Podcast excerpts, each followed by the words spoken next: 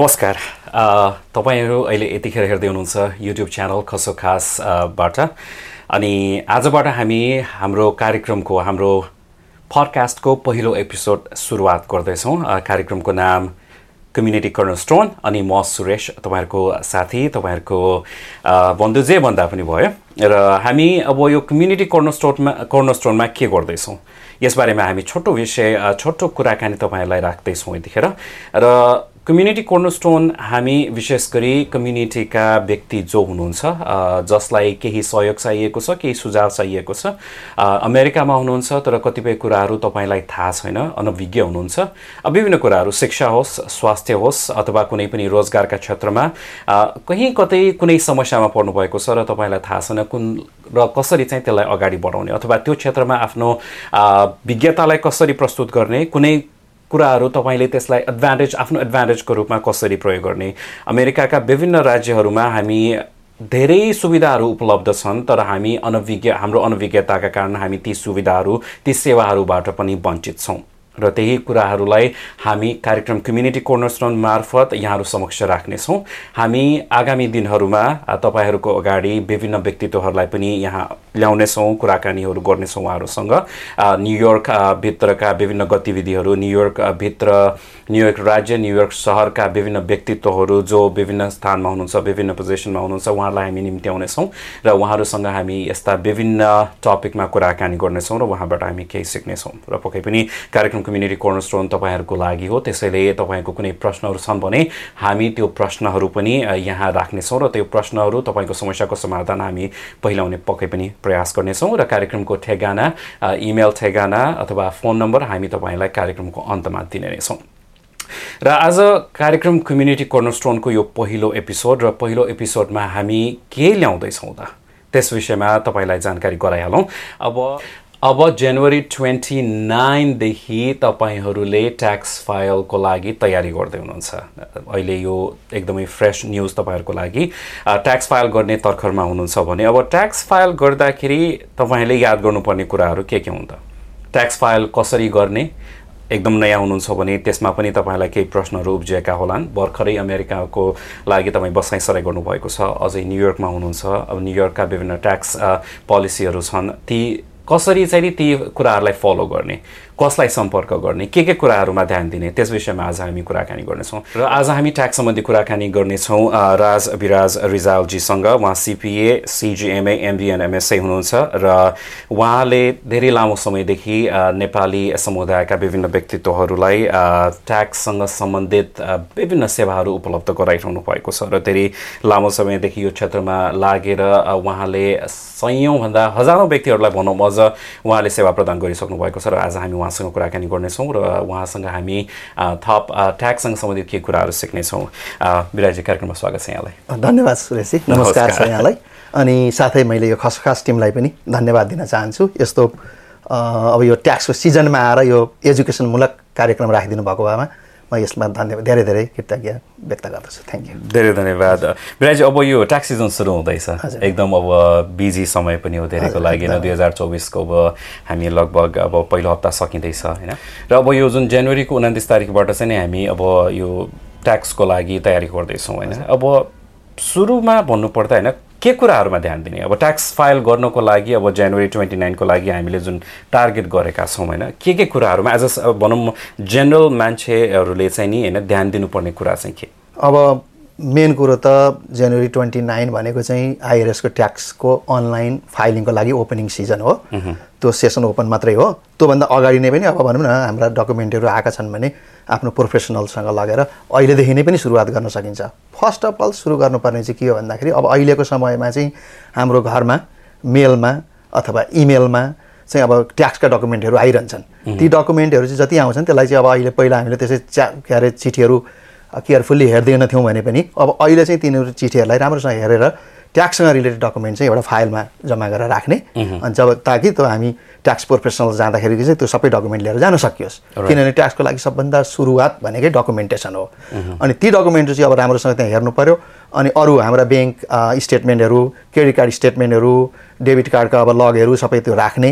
अनि हाम्रो चेकबुकका लगहरू पनि सबै राख्ने अनि ती सबै डकुमेन्टहरू जम्मा गरेर लिएर अनि हाम्रो ट्याक्स प्रोफेसनल कहाँ गयौँ भने हाम्रो ट्याक्स चाहिँ चुस्त रूपमा फाइल हुने हुनाले त्यसमा कुनै पनि पछि अडिटै आए पनि हामीले सबै इन्फर्मेसन आइआरएसलाई बुझाउन सक्छौँ र कुनै झन्झट पनि नहुने हुनाले त्यसबाट बच्न सकिन्छ।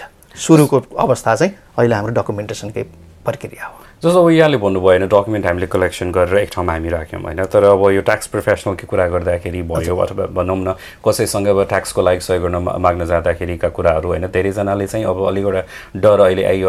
जुन परिचय चोरिने डर होइन अमेरिकाको जुनसुकै सहरमा पनि इभन अब फोन मार्फत पनि आइडेन्टिटी थेफ्ट भनेर कतिपय धेरै हामीले क्राइमको कुराहरू हामी सुनिरहेको छौँ होइन। त्यो अवस्थामा के कस्तो कुराहरूमा चाहिँ हामीले ध्यान दिनुपर्छ? एकदमै एकदमै एकदम राम्रो कुरा उठाउनु भयो कतिपयले फोन गरेर हामी ट्याक्स प्रोफेसनल हौँ हामी छुट दिन्छौँ धेरै रिफन्ड निकालिदिन्छौँ भनेर फोनबाट पनि गर्ने गर्न सक्छन् इमेल पनि पठाउने गर्न सक्छन्।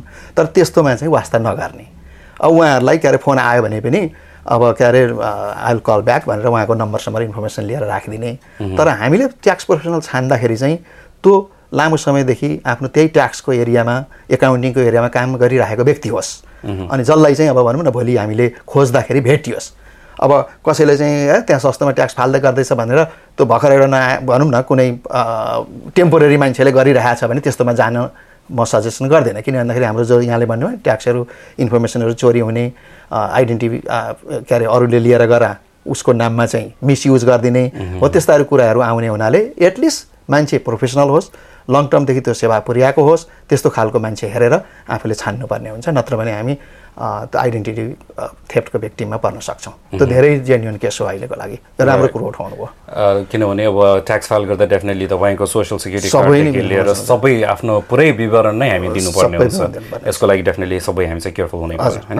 अब जस्तो अब ट्याक्स फाइलकै कुराहरू गर्दाखेरि होइन के कस्तो अब जस्तो डकुमेन्ट प्रिपरेसन आफ्नो ठाउँमा भयो आफ्नो कागजहरू सबै एक ठाउँमा राख्ने छुट्टै कुरा भयो होइन? तर त्योभन्दा बाहेक चाहिँ अरू के के कुराहरूमा चाहिँ ध्यान दिनु पऱ्यो जस्तो ट्याक्स प्रोफेसनलकोमा जाने आफ्नो ठाउँमा छँदैछ होइन।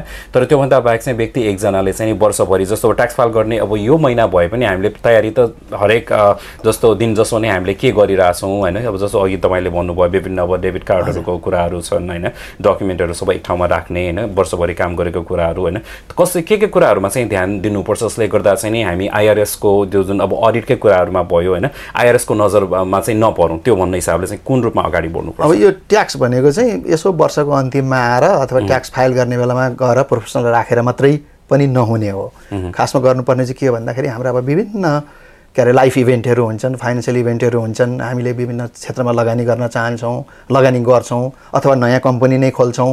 होइन ती कुराहरू चाहिँ त्यो त्यतिखेर नै त्यो सुरुवात गर्नुभन्दा अगाडि प्रोफेसनल कहाँ जाने हो। त्यहाँदेखि हामीले प्लानिङ सुरु गऱ्यौँ भने चाहिँ हामीले पछि गएर ट्याक्समा सेभिङ पनि गर्न सक्छौँ एउटा कुरा। अनि अर्को कुरो अरू विभिन्न लिगल झन्झटहरूबाट पनि बच्न सक्छौँ। किनभने कतिपय काम हामीले सुरु गरिहाल्छौँ सुरु गरेपछि लाइसेन्स लिने अथवा सर्टिफिकेसन गर्ने अथवा रजिस्ट्रेसन गर्ने कुन कुन प्रक्रिया पुगेको हुँदैन। अनि त्यसमा अब फाइनहरू पेनल्टीहरू आउन सक्छ। अब कहिलेकाहीँ त्यो कम्पनी नै पनि भनौँ न अनावश्यक त धेरै फाइनहरू पेनल्टीहरू आयो भने बन्द पनि गर्नुपर्ने हुन्छ। त्यो खर्च पनि अनावश्यक भएर गयो नि त। तर सुरुवात चाहिँ जब हामीले ट्रान्जेक्सन सुरु गर्छौँ ट्रान्जेक्सन सुरु गर्नुभन्दा अगाडि नै हामीले त्यसरी ट्याक्स प्रोफेसनलसँग कन्सल्ट गर्ने गऱ्यौँ भने चाहिँ त्यो राम्रो हुन्छ।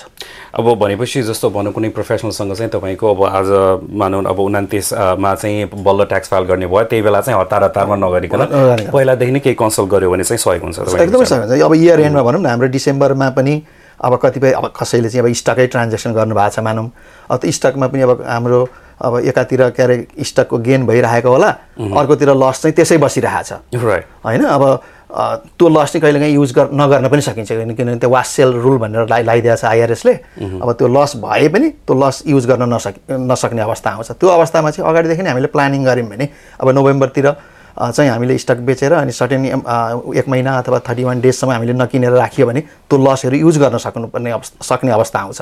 त्यसै गरी कुनै लस चाहिँ त्यसै बसिरहेको छ हामीले बेचेको पनि छैन भने त्यो लसलाई युज गरौँ न त भन्ने हो भने त्यसलाई सर्टे त्यतिखेर बेचिदिने अनि फेरि त्यो स्टक किन्न मन छ भने पछाडि आएर किन्ने। हो यस्ता खालका प्लानिङहरू पनि हुन्छन् त्यहाँ। अब कुनै बेला चाहिँ अब हामीलाई यो वर्ष चाहिँ अलिकति इन्कम बढी चाहिएको छैन अर्को वर्षमा इन्कम लैजाउँ न त भन्ने हो भने अब त्यो इयर एन्डमा गएर कुनै कुनै पेमेन्टहरूलाई हामीले डिफर्ड गर्न सकिन्छ अर्को वर्षलाई। भनेपछि यो वर्षको इन्कम चाहिँ हामीले अर्को वर्षमा सार्न सकिन्छ।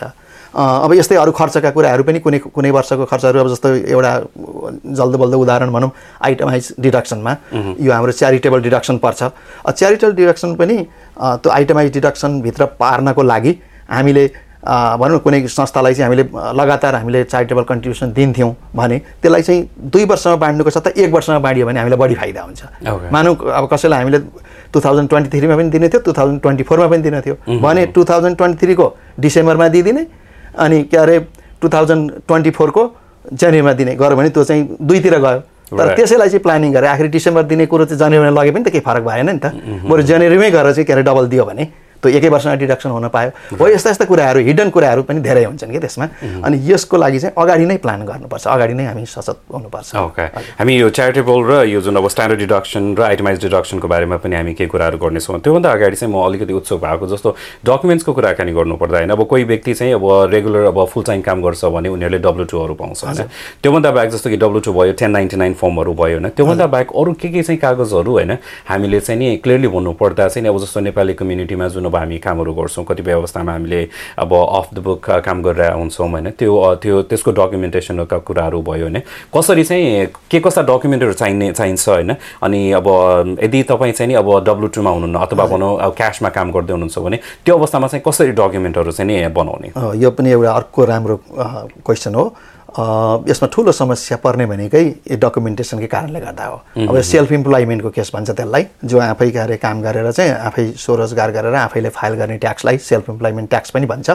त्यसमा चाहिँ हामीले डकुमेन्टेसनहरू अब जस्तो इन्कम आउँदा हामीले क्यासमा लियौँ होला त्यो क्यासको त रेकर्डै छैन. अब भोलिपल्ट त्यहाँ गएर त्यो पैसा तिरेको ठाउँमा मलाई डकुमेन्ट दिएन भन्यो भने उसले दिँदैन किनभने उसले पनि त्यो ट्याक्समा सर्टेन कुरोहरू मिलाएको छैन. अनि त्यो अवस्थामा चाहिँ हामीले बरु आफ्नै तरिकाले चाहिँ त्यसलाई डकुमेन्टेसन गर्न सकिन्छ। मानौँ अब त्यसको लागि भनौँ न ब्याङ्क एकाउन्ट खोल्ने। अब ब्याङ्क एकाउन्ट पनि कहीँ चार्ज लाग्छ अथवा खोल्न अप्ठ्यारो लाग्छ कुनै ठाउँमा त्यस्तो छ भने हाम्रै अहिले के अरे समुदायमा एभरेस्ट फेडरल क्रेडिट युनियन भनेर दर्ता भएको छ। त्यसले ब्याङ्किङ ट्रान्जेक्सन सबै गर्न सक्छ। त्यहाँ खाता खोल्ने अनि आफ्ना आएका आम्दानीहरू पनि त्यहीँ राख्ने अनि त्यहाँबाट चेकबुकबाट खर्च गर्ने गर्यो भने त्यो सबै आम्दानी र खर्च त्यो एकै ठाउँमा जम्मा हुने हुनाले पछि आइआरएसलाई पनि बुझाउन सजिलो पर्छ. एटलिस्ट अरू पनि अब भनौँ न अब खर्च गर्दाखेरि अब उहाँहरू सामान किन्दाखेरिको भाउचर त्यो के अरे बिल त्यो राख्नुभयो भने अझ राम्रो।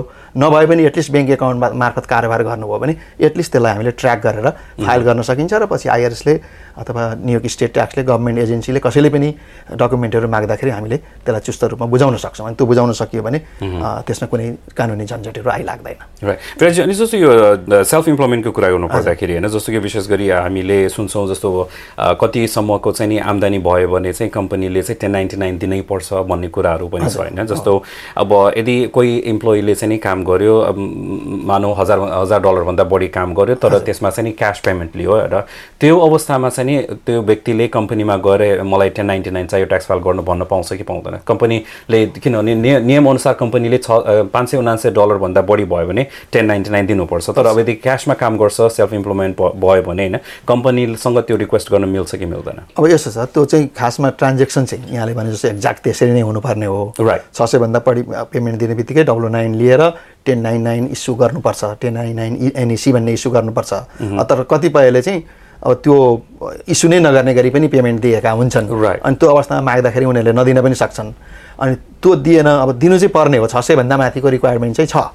त्यो दिनै पर्छ। अब दिएनन् भने को अवस्थामा चाहिँ हामीले त्यो अघिको कुरा गरियो नि त्यसले काम गर्छ। नभए छ सयभन्दा माथिकोले चाहिँ त्यो टेन नाइन नाइन दिनैपर्छ। राइट अब यो वर्षको कुराकानी गर्नु पर्दाखेरि जस्तो हरेक वर्ष ट्याक्स ब्राकेटहरू पनि चेन्ज भइरहेको छ होइन? अब अर्को एउटा जुन चासो चाहिँ अब कति आम्दानी वार्षिक चाहिँ कति आम्दानी हुनेहरूले चाहिँ नि होइन कर तिर्ने। अनि यो ट्याक्स ब्राकेटको कुरा गर्नु पर्दाखेरि चाहिँ नि दुई हजार तेइसको लागि लिएर होइन के कस्तो छ ट्याक्स ब्राकेटहरू अब ट्याक्स ब्राकेट चाहिँ अब सुरुमा एज लो एज टेन पर्सेन्टबाटै सुरु हुन्छ। अब एजमा चाहिँ थर्टी सेभेन पर्सेन्टसम्म पनि जान्छ।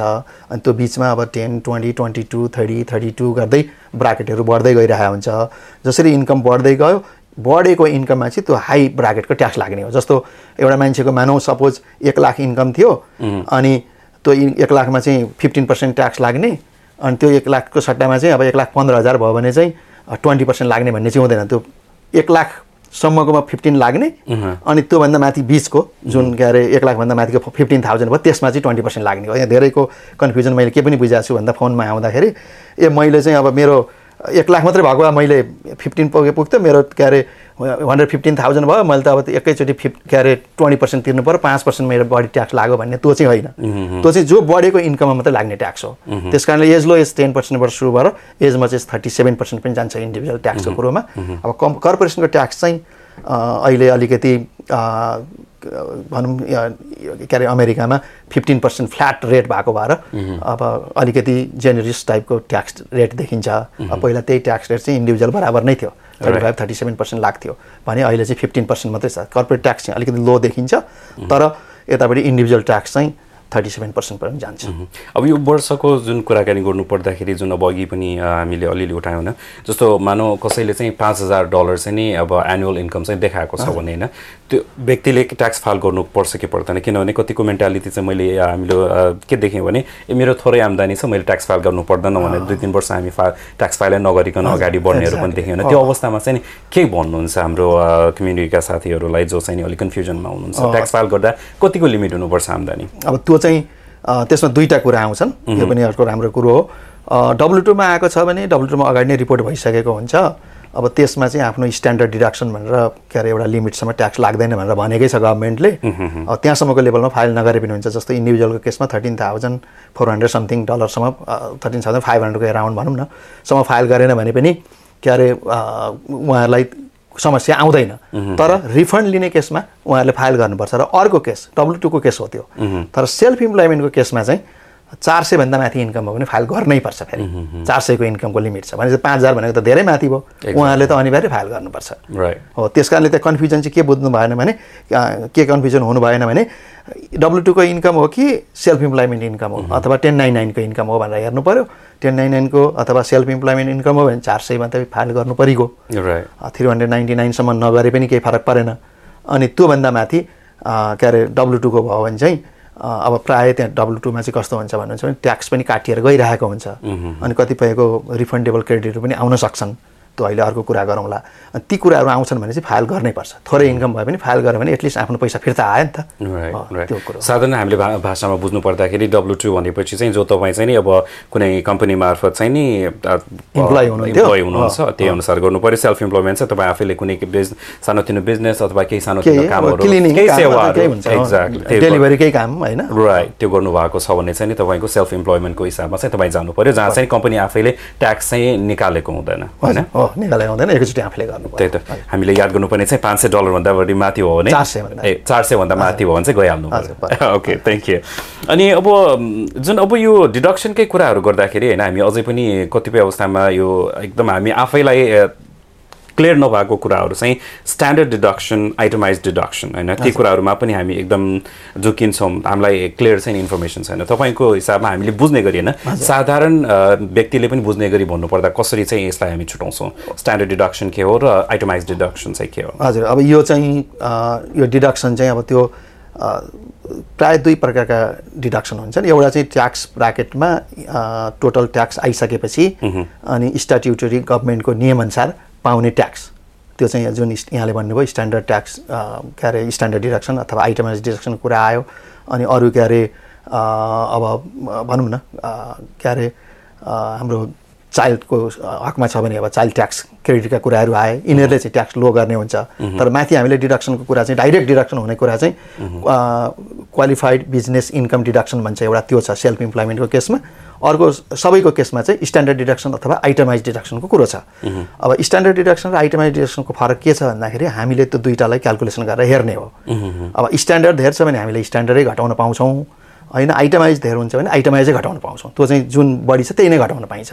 त्यस कारणले अब स्ट्यान्डर्ड डिडक्सनमा चाहिँ पहिलाको जस्तो यो ट्रम्पको ट्याक्स जुन आएपछि टी के अरे रिभाइज भयो त्योभन्दा पछाडि चाहिँ धेरैवटा कुरोहरू हटाइदिएको छ त्यहाँबाट। स्ट्यान्डर्ड डिडक्सनबाट पाउने डिडक्सनहरू तर पनि ती डिडक्सनहरू हाम्रो हाई छन् भने जस्तो प्रोपर्टी ट्याक्स हाम्रो घर ओन गर्ने मान्छेको हकमा प्रोपर्टी ट्याक्स अनि मोर्गेज इन्ट्रेस्ट अनि के अरे च्यारिटेबल डिडक्सन यी कुराहरू सबै जोड्दाखेरि चाहिँ हाम्रो स्ट्यान्डर्ड डिडक्सनभन्दा आइटमाइज डिडक्सन बढी छ भने हामीले आइटमाइज डिडक्सन घटाउनु पाइन्छ।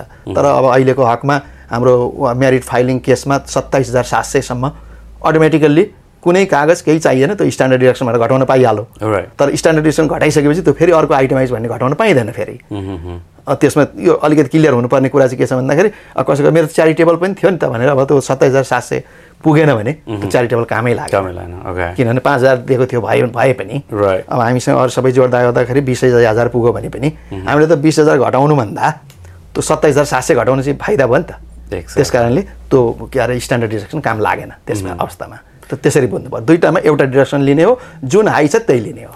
जस हामीले चाहिँ नि कम्पेयर गरेर यदि हामी कुनै प्रोफेसनलकोमा गयौँ भने चाहिँ उहाँहरूले चाहिँ त्यो कम्पेयर चाहिँ compare गर्नुहुन्छ, ओके सो बढीमा मैले बुझे अनुसार मेरो जानकारी अनुसार चाहिँ नि धेरैभन्दा धेरै व्यक्तिहरू चाहिँ स्ट्यान्डर्ड डिडक्सनबाट नै कम गरेर यो सल्ट डिडक्सन भनेर जुन अहिले यो त्यो ट्याक्स जुन रिफर्म भएर आयो।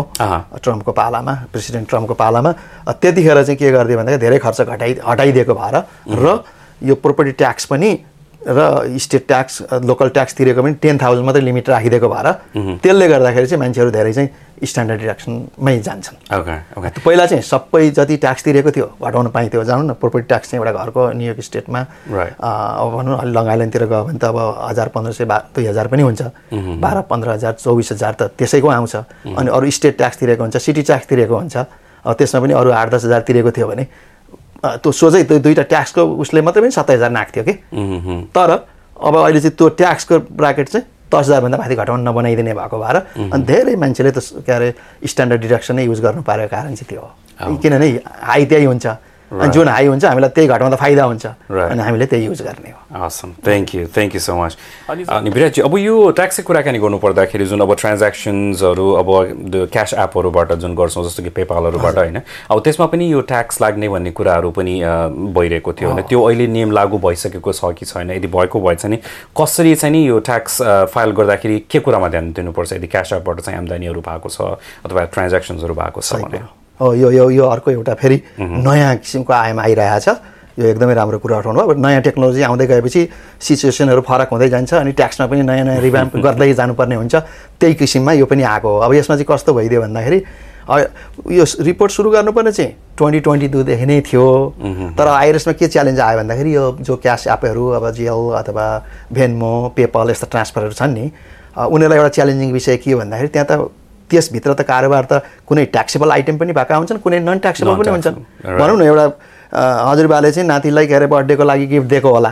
होइन? अब त्यस्ता केसहरू पनि त धेरै हुन्छन्। अथवा साथी साथीमा खाना गएका थिए अब त्यहाँ रेस्टुरेन्टको बिल चाहिँ चार सय आयो अनि चारजना हुने त एक एक सय बाँडेर उहाँले एक सय एक सय पठाएको होला।